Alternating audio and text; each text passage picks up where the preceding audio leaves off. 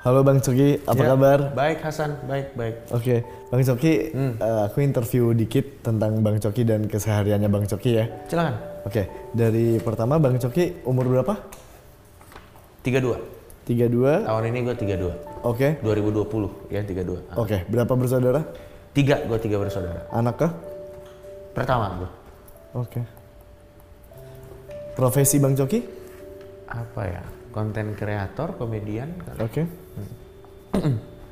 Riwayat medis? Riwayat medis baik-baik aja. So far belum kena corona. Belum. Belum. Boleh salaman? Boleh. Sebaiknya tidak. Oh, iya. Oke, lanjut. Lucu juga. Hmm, Bang Coki, do Hmm. you believe in God?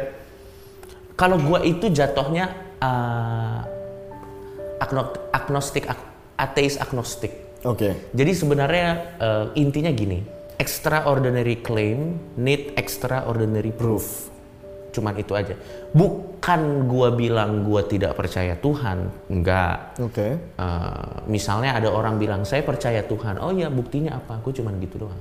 Oke. Cuman sebatas itu, gue cuman mempertanyakan. Kalau misalnya ada bukti yang cukup kuat ya saya percaya. Oke. Tapi so far se- sejauh perjalanan spiritual gua, gue belum menemukannya. Oke. Tapi kan perjalanan spiritual orang beda-beda gitu. Oke. Kalau di perjalanan spiritual gua Oke. eh, sejauh ini gue belum menemukan extraordinary proof yang membuktikan extraordinary claim tadi. Oke. Tapi bukan berarti gue alergi dengan orang-orang yang percaya per ya enggak. Maksudnya mungkin mereka sudah selesai perjalanan spiritualnya. Yes. Kalau gue belum gitu. Oke. Ya jadi gue nggak masalah kalau ada orang yang percaya Tuhan. Apakah Anda mengimplikasikan bahwa mereka buru-buru ngambil keputusan atau kesimpulan? Eh, enggak juga sih. Eh, susah untuk untuk untuk untuk untuk mengatakan hal seperti itu. Kenapa? Karena perjalanan spiritual orang itu tidak bisa dijudge. Oke.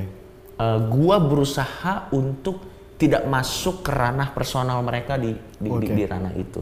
Karena gue sangat yakin perjalanan spiritual orang se- perjalanan spiritual orang itu beda-beda dan sangat personal.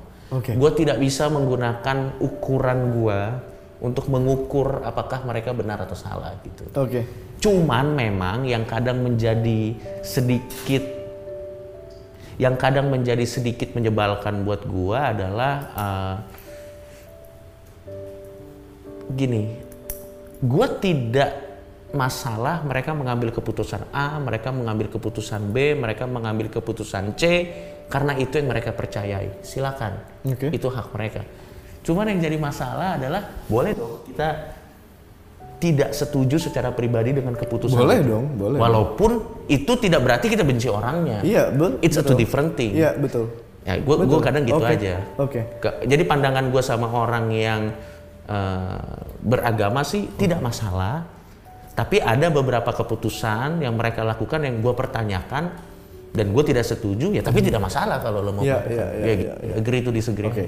Oke. So you respect others to believe what they want to believe. Yes, Oke. yes. As long as outputnya bagus sih nggak masalah.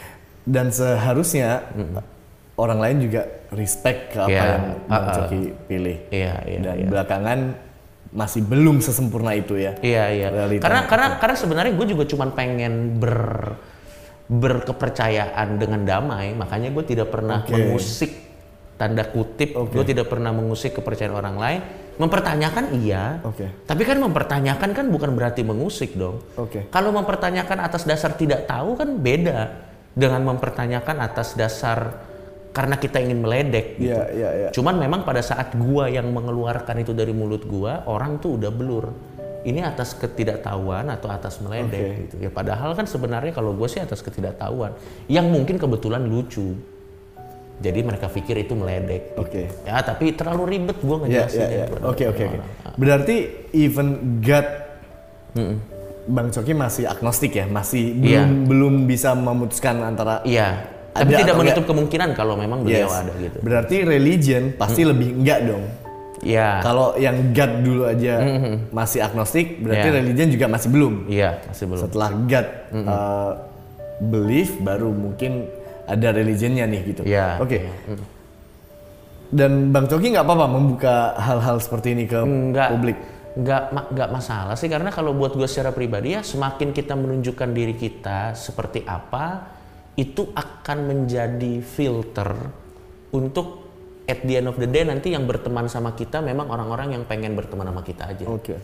Karena misalnya gua ber apa namanya berpura-pura bahwa gua eh, berag- berkepercayaan tertentu gitu. Yep. Jangan-jangan nanti orang yang berteman sama gua itu karena mereka pikir gua adalah orang yang gua berpura-pura itu. Gue jadi lebih Anda adalah saudara seimanku. Nah, jadi kalau gue sih lebih mending makin ke sini makin jadi diri sendiri aja. Ya biar nanti udah jelas aja yang mau temenan sama gue ya memang yang karena dia menghargai gue apa adanya. Bukan karena menghargai gue berdasarkan persona yang di atas panggung yang belum tentu benar juga. Gitu. Oke. Jadi gue nggak masalah lah. Oke. Bang Coki. eh, keluarga Mm-mm. how you get along with them? Gue sama keluarga gue nggak akrab tapi nggak ini juga nggak nggak nggak akrab tapi nggak musuhan juga. Gimana ya bilangnya? Biasa aja gitu. Eh, apa mungkin karena culture kali? Mungkin gue tidak mewakili semua orang Batak yang ada di Indonesia. Tapi Oke. paling tidak mungkin dari keluarga gue. Paling nggak gue lah. Oke. Paling gue tidak mewakili eh, culture. Gue tuh bukan orang yang bisa menunjukkan affection secara freely gitu. Dan sepertinya itu terjadi di uh, hubungan gue dengan adik-adik gue gitu.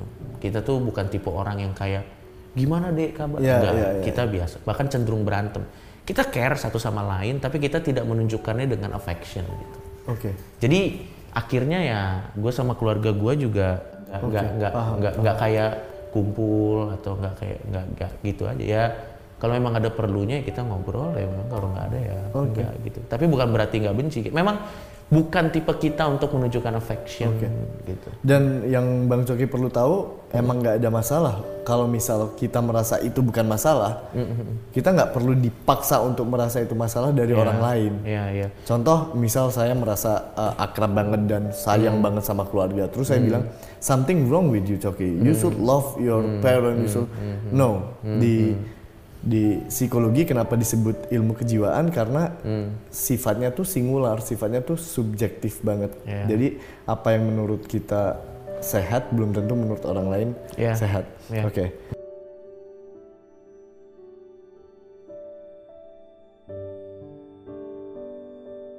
Nanti akan aku uh, tanyakan di akhir kenapa kok aku mempertanyakan beberapa pertanyaan ini. Silakan. Sementara kita lanjut dulu.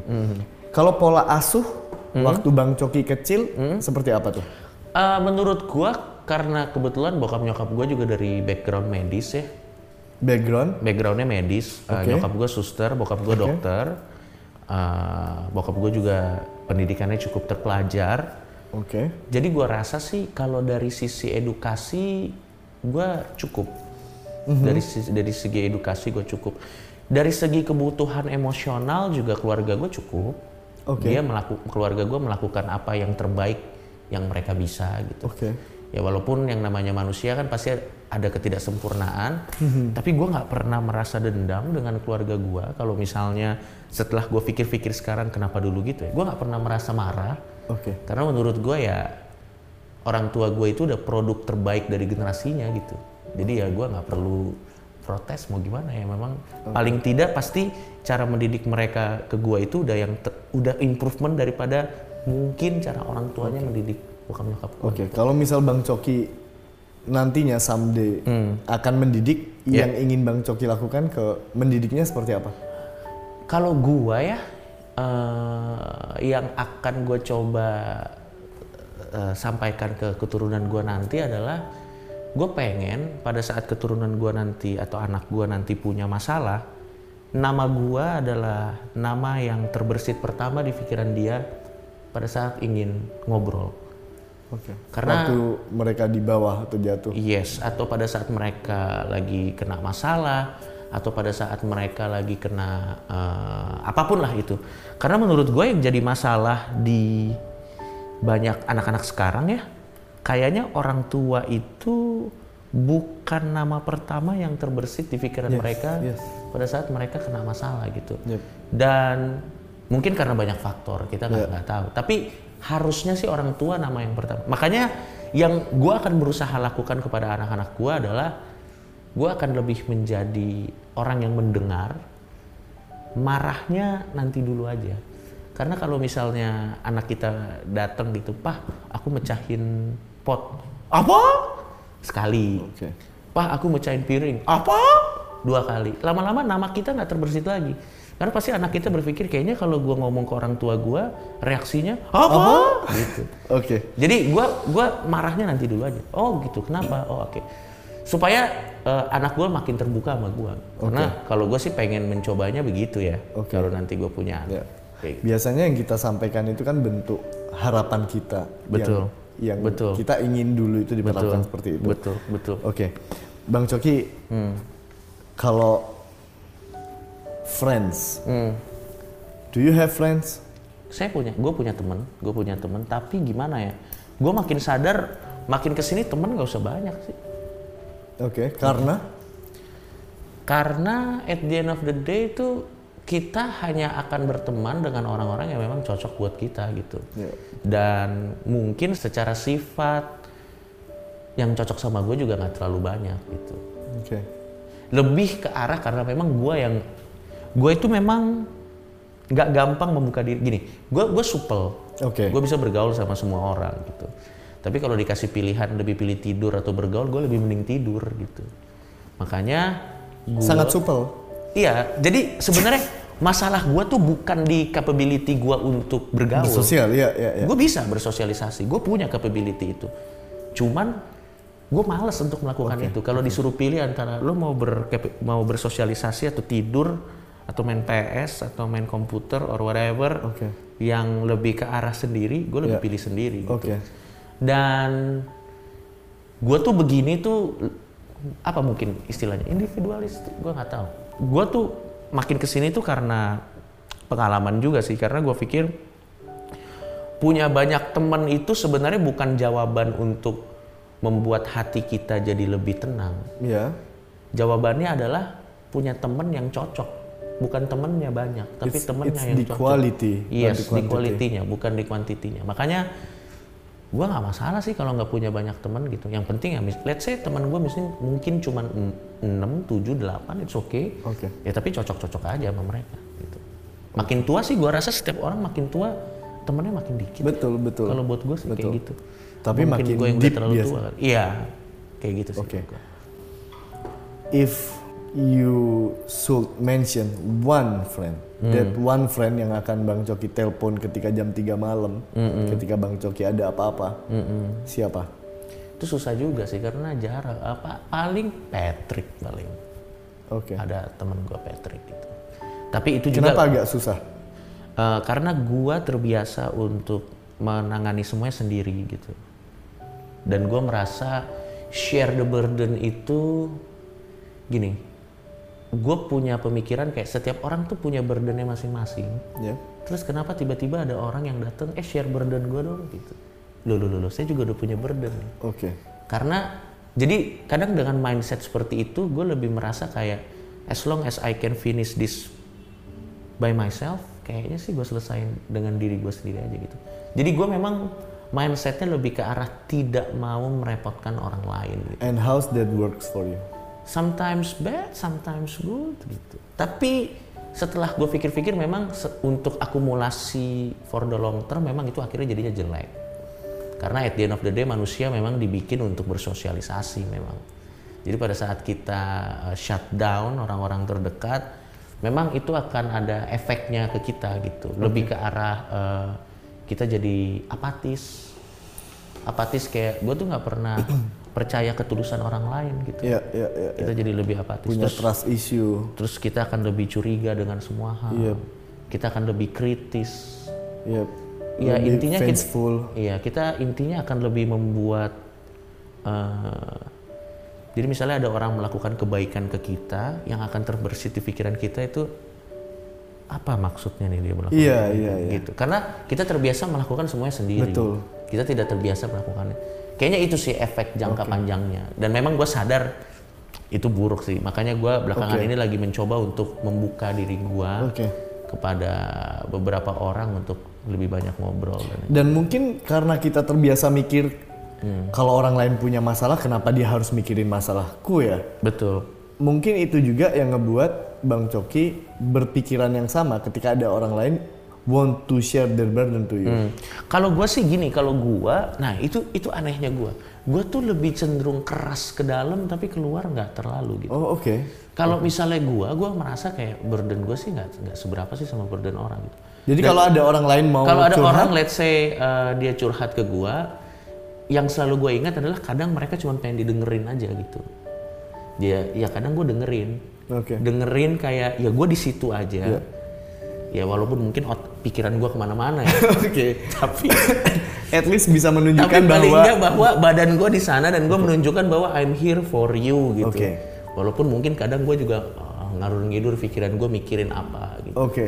Karena menurut gue kalau kayak gitu sih nggak gampang lah ya. Iya, iya, Kadang iya. kita nggak usah ngasih solusi. iya, iya. Dan memang eh, untuk masalah-masalah tertentu, gue memang kadang seneng juga berpikir gini. Gue kan terbiasa memecahkan masalah gue sendiri. Oke. Jadi akhirnya gue punya tanda kutip wisdom lah dalam menghadapi Yep. beberapa masalah. Kadang pada saat orang curhat ke gue tentang masalahnya, eh, kadang gue seneng juga. Ah, ini gue udah pernah ngalamin nih beberapa tahun yang lalu. Oke. Kalau gue lagi mood, kadang gue kasih gue kasih apa namanya Insight yang muncul. insight, insight Oke. yang muncul dari pengalaman. Tapi kalau gue nggak nggak lagi mood ya, ya gue di situ Tapi aja. seenggak enggak moodnya Bang Coki tetap ada di sana at least Iya. membuat dia merasa didengarkan. Iya betul. Ya paling nggak dengan fisik gue lah. Ya walaupun mungkin pikiran gue nggak di Iya, situ ya. Karena kan kadang orang tuh juga nggak mau solusi. Terus waktu orang yang curhat bilang, lu ngerti kan maksud gue? Waktu pikiran Bang Coki lagi ke mana-mana? Bang Ah, gimana? kebetulan gue tuh ju- juga punya skill yang cukup oke untuk bisa uh, ngebullshit ya. Jadi kadang kalau misalnya dia bilang, lu ngerti kan maksud gue? Oh iya, iya gue ngerti. Lo, lo gini kan? Gini, gini, gini. Iya iya iya iya.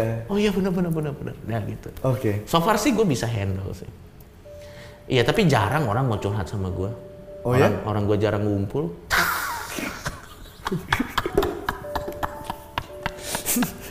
tapi kalau beberapa orang yang pernah curhat sama gue sih, kayaknya mereka bilang gue orang yang menyenangkan untuk curhat. Gitu. Iya iya iya iya.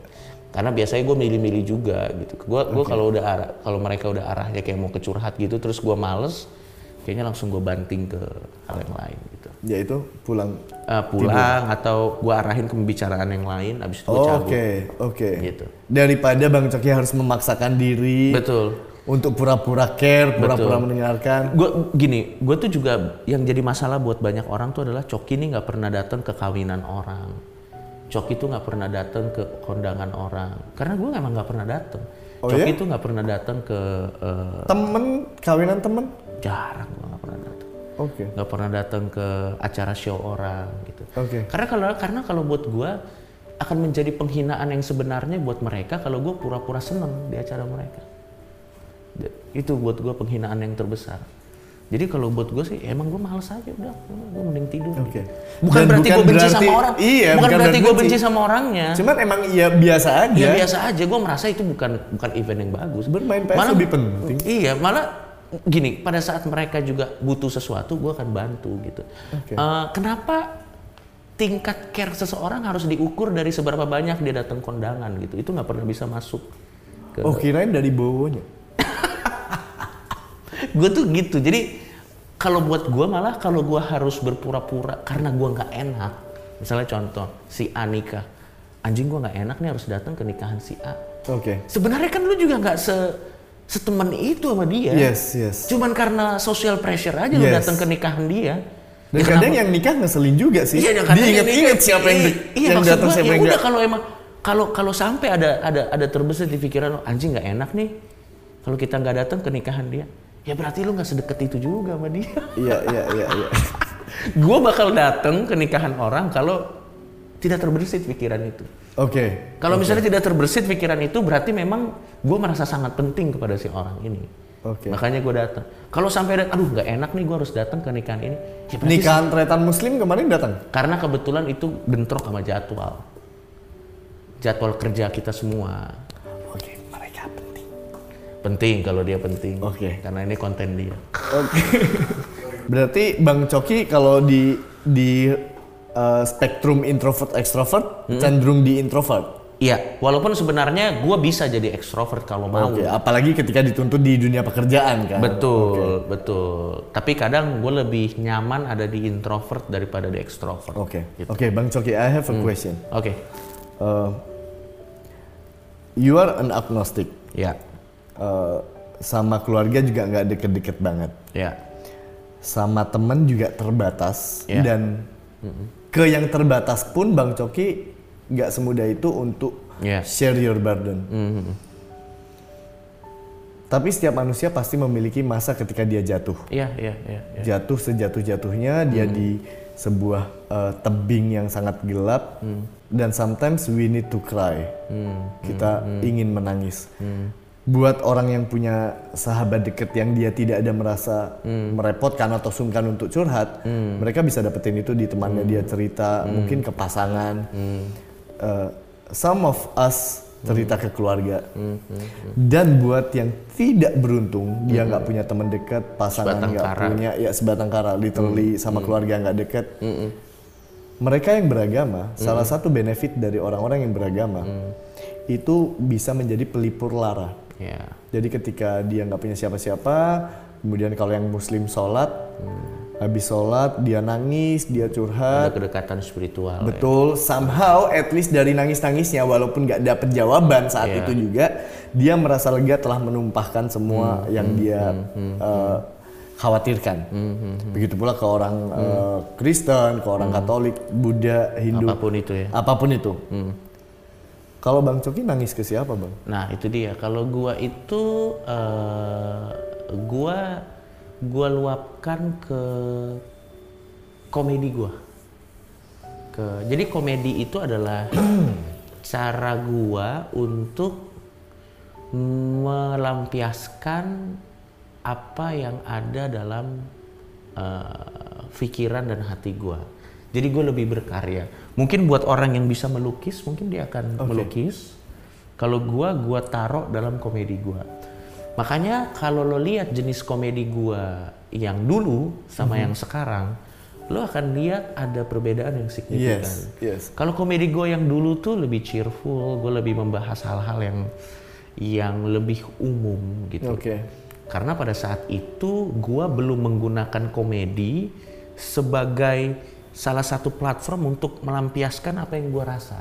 Karena pada saat itu gua masih bisa eh, gue masih punya tanda kutip support system yang bisa gue pak. Sekarang pun ada sebenarnya. Oke. Tapi pada saat itu gue masih lebih aktif menggunakan support system untuk let's say cerita mengenai masalah gue apa segala Iya, macam. iya. Sehingga gue nggak perlu menggunakan komedi gue untuk melakukan hal itu. Oke. Tapi kalau sekarang ya karena mungkin gue lebih shutting down ke banyak orang, akhirnya cara satu-satunya ya komedi gitu.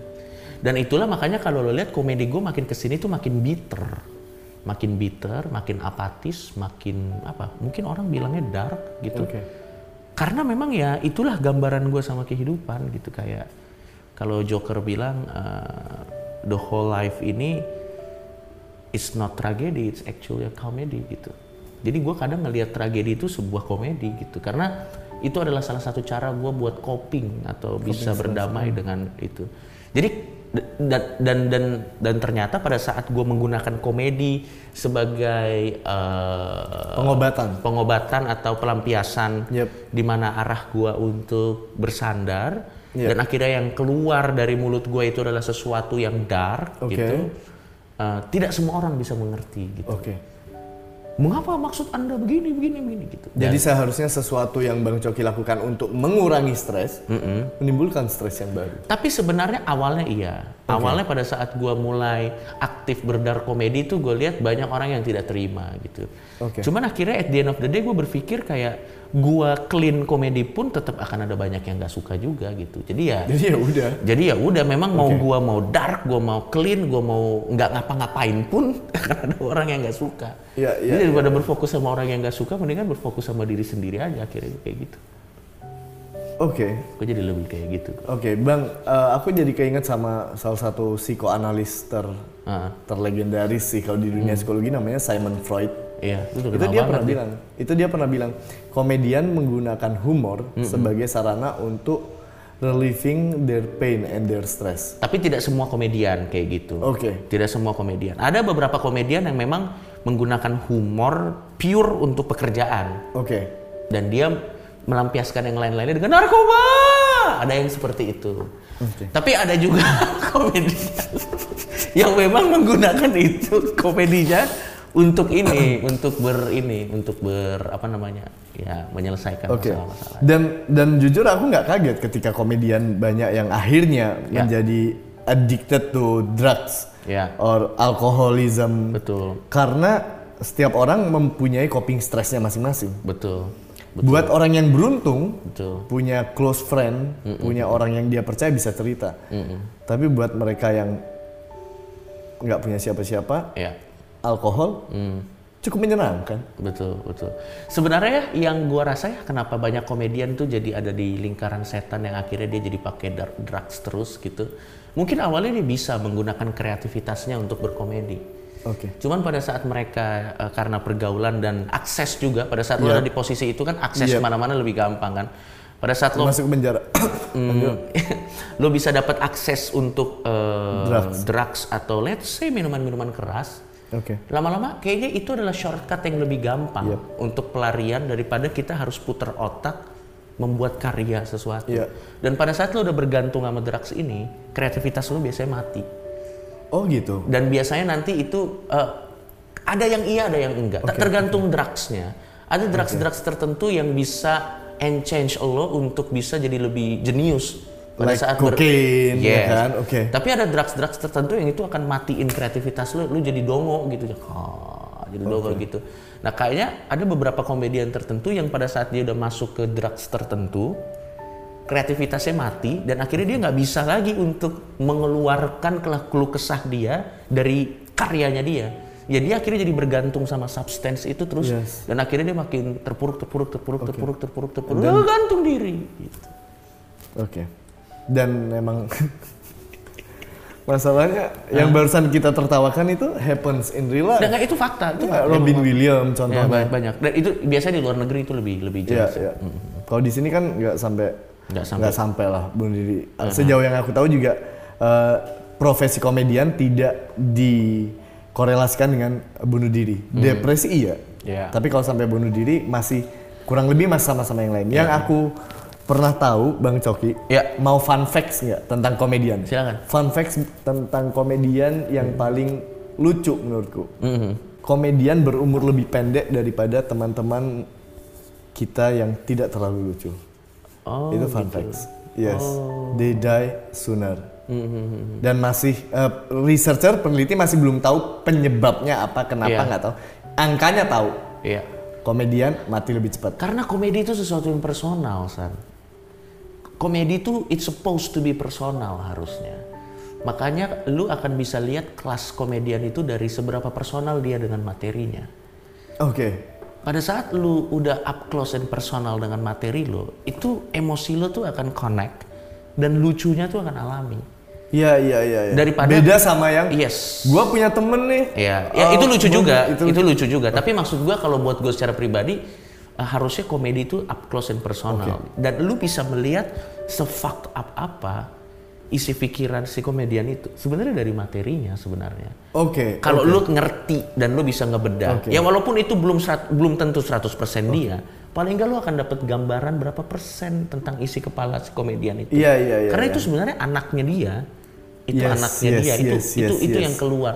Harusnya sih komedi it's supposed to be kayak gitu ya. Iya, Harus iya, kalau iya, buat gue secara pribadi. Jadi warnanya tuh kelihatan jelas. Iya. Bang yang satu lagi eh, yang jadi apa ya pikiranku tuh komedian tuh sebenarnya yang yang komedian sejati ya dia Iya. itu akan cenderung jatuh ke workaholic.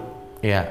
Bedanya sama workaholic pada umumnya, misal accounting ya, dia Iya. kerja di eh, perusahaan big four misal Hmm, di PwC atau EY dan lain-lain.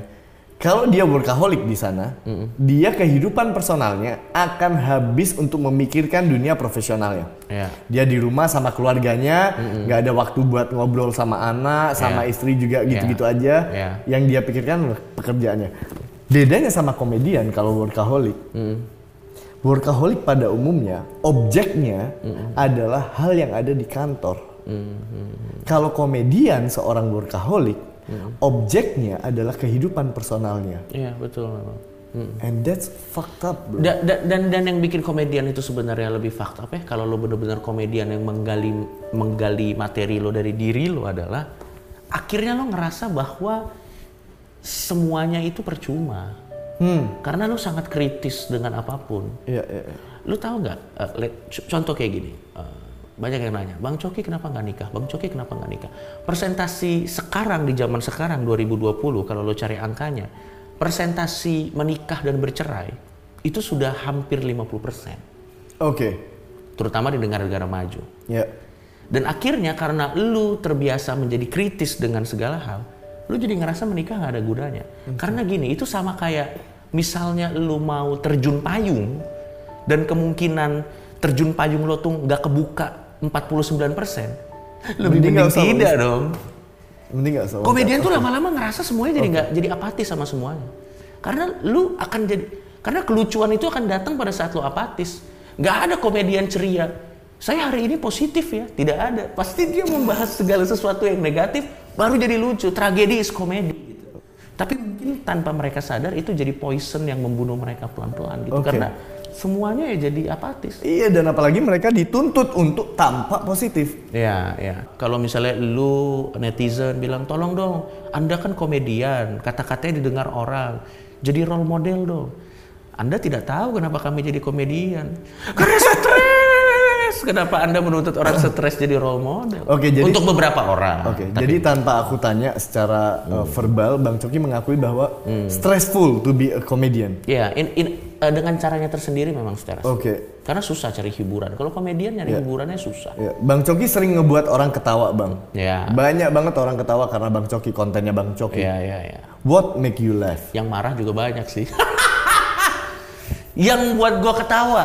Gini, gue yang buat gua ketawa dark jokes doang sih sekarang. Gini, Oke. jokes yang lain gue tetap suka. Jokes yang lain tetap lucu buat gua. Tapi tertawanya tidak akan selepas pada saat gue mendengar humor-humor yang tragis gitu. Karena itu paling enggak di masa gue yang sekarang itu sangat relatable dengan gua. Oke, Sing- Bang. Ya. Sebagai orang yang suka sama psikologi, salah Hmm. satu kaidah dalam psikologi itu you should never Hmm. judge other, ya kan? Sebertolak belakang apa pun value-mu dengan value Hmm. klien. Tapi Bang Coki semakin tragis semakin ketawa, Bang. Mm-mm. Karena gimana ya? Karena mungkin gue terbiasa menggunakan tragedi yang terjadi dalam hidup gue dan gini, kita ada beberapa musibah yang tidak itu di luar kuasa kita dan kita tidak bisa merubah musibah itu. Bang Mus Bang Coki, sorry. Tadi mau ngomong karena gua relate dengan tragedi Iya, iya. yang ada di hidup gua, lalu dikat apa tragedi Nah, dalam hidup Oh, Coki? eh, banyak lah misalnya. eh, Banyak banyak, tragedi. banyak, banyak. Kalau misalnya kita bahas di sini satu persatu, kayak durasinya cukup. oke. Tapi Bang Coki merasa banyak tragedi yang menimpa kehidupan Bang Coki yang di atas powernya Bang Coki. Iya, dan dan akhirnya gue sampai di di conclusion ini bahwa kadang ada musibah-musibah atau tragedi-tragedi tertentu yang di luar kuasa kita. Kita tidak bisa balik lagi ke masa lalu untuk merubah Ya, itu ya, ya. atau merubah tragedi itu di luar kuasa kita. Iya, Cuman ada- kematian iya, misalnya, ya kan? Cuman ada satu yang bisa kita rubah yang ada di kuasa kita. Cara pandang kita sama tragedi itu. Oke. Kalau kita melihatnya itu sebagai hikmah, boleh. Saya menjadi lebih baik setelah ada yang seperti itu. Atau kita memandangnya itu sebagai kemalangan nasib atau hukuman dari sesuatu yang lebih besar, boleh. Iya. Tapi kalau gua memandang itu, memandang tragedi yang tidak bisa gua rubah adalah gua cari hikmahnya dan gua pandang itu dari segi komedi gitu. And you find it funny Dan dan sekarang gua udah I find it funny gitu. even to your own tragedy. Mm-mm, mm-mm. Eh, tentu itu ada ada ilmunya tersendiri bagaimana kita mengolah sebuah tragedi menjadi sebuah kelucuan. Oke. Dan kadang itu hit and miss. Oke. Kadang yang nggak lucu, tapi kadang lucu. Tapi memang semakin kita berkutat di situ, lama-lama kita akan tahu di mana batasnya atau di mana karetnya untuk membuat kelucuan dari sebuah tragedi. Dan lucu tidak sama dengan happy. Ya, gua nggak necessarily happy ya dengan apa yang terjadi dengan diri gue. Tapi paling tidak gue bisa mentertawakan itu gitu. Oke. Dan sekarang waktu udah nggak relevan lagi buat gue. Misalnya gue kaki gue kepotong hari itu, gue bisa bikin jokes tentang kebuntungan kaki gue hari itu juga. Buat beberapa orang mungkin kan harus ada waktu untuk berdamai sampai akhirnya dia bisa menerima ah aku sudah buntung nih, Oke. baru dia bisa berjokes. Kalau gue sekarang waktu udah nggak relevan lagi. Bang, are you serious? Mm-mm, ya, tapi gue Soalnya itu biasa muncul dari omongan orang yang putus asa, Bang. sebenarnya gue nggak putus asa sih. Gue lebih ke arah kayak ya udah kalau emang udah terjadi seperti ini kita mau gimana lagi? Bersedih tidak akan mengimprove atau membuat situasi jadi lebih baik. Menertawakan oke. tidak membuat situasinya jadi lebih baik juga. Tapi kita seneng paling enggak at that moment gitu loh. Jadi kalau apa pun yang kita lakukan tidak bisa membuat situasi jadi lebih baik, ya mending pada momen itu ya kita ketawa aja paling enggak kita ada senengnya dikit. Tahu gak sih yang yang yang menyebalkan apa? Apa? Bang Coki cerita nih antusias, but deep down I feel that is something very very dark inside you, Bang. Ya memang gue lumayan dark sih. Eh, adalah beberapa jokes yang nggak mungkin gue sebut di sini. Tapi memang I find it funny sih. Ya tapi tapi tapi memang tidak untuk semua orang. Oke, tapi oke, memang tidak untuk oke. semua orang. Dan gue berkomedi juga sebenarnya lebih ke arah untuk pelampiasan diri gue, Oke. tidak necessarily untuk menghibur orang. Oke. Kalau ada orang yang terhibur ya it's good gitu. Kalau ada orang yang terinspirasi lebih bagus lagi. Tapi itu bukan tujuan utama gue. Oke. Tujuan utama gue sih untuk ke diri gue supaya gue bisa paling nggak relief Oke. apa yang ada dalam. Oke, I understand. Bang Coki, thank you very much. Oh iya iya. Udah terbuka. Eh, kesimpulannya, eh, are you okay? Uh, I'm okay. I'm okay. So far so good.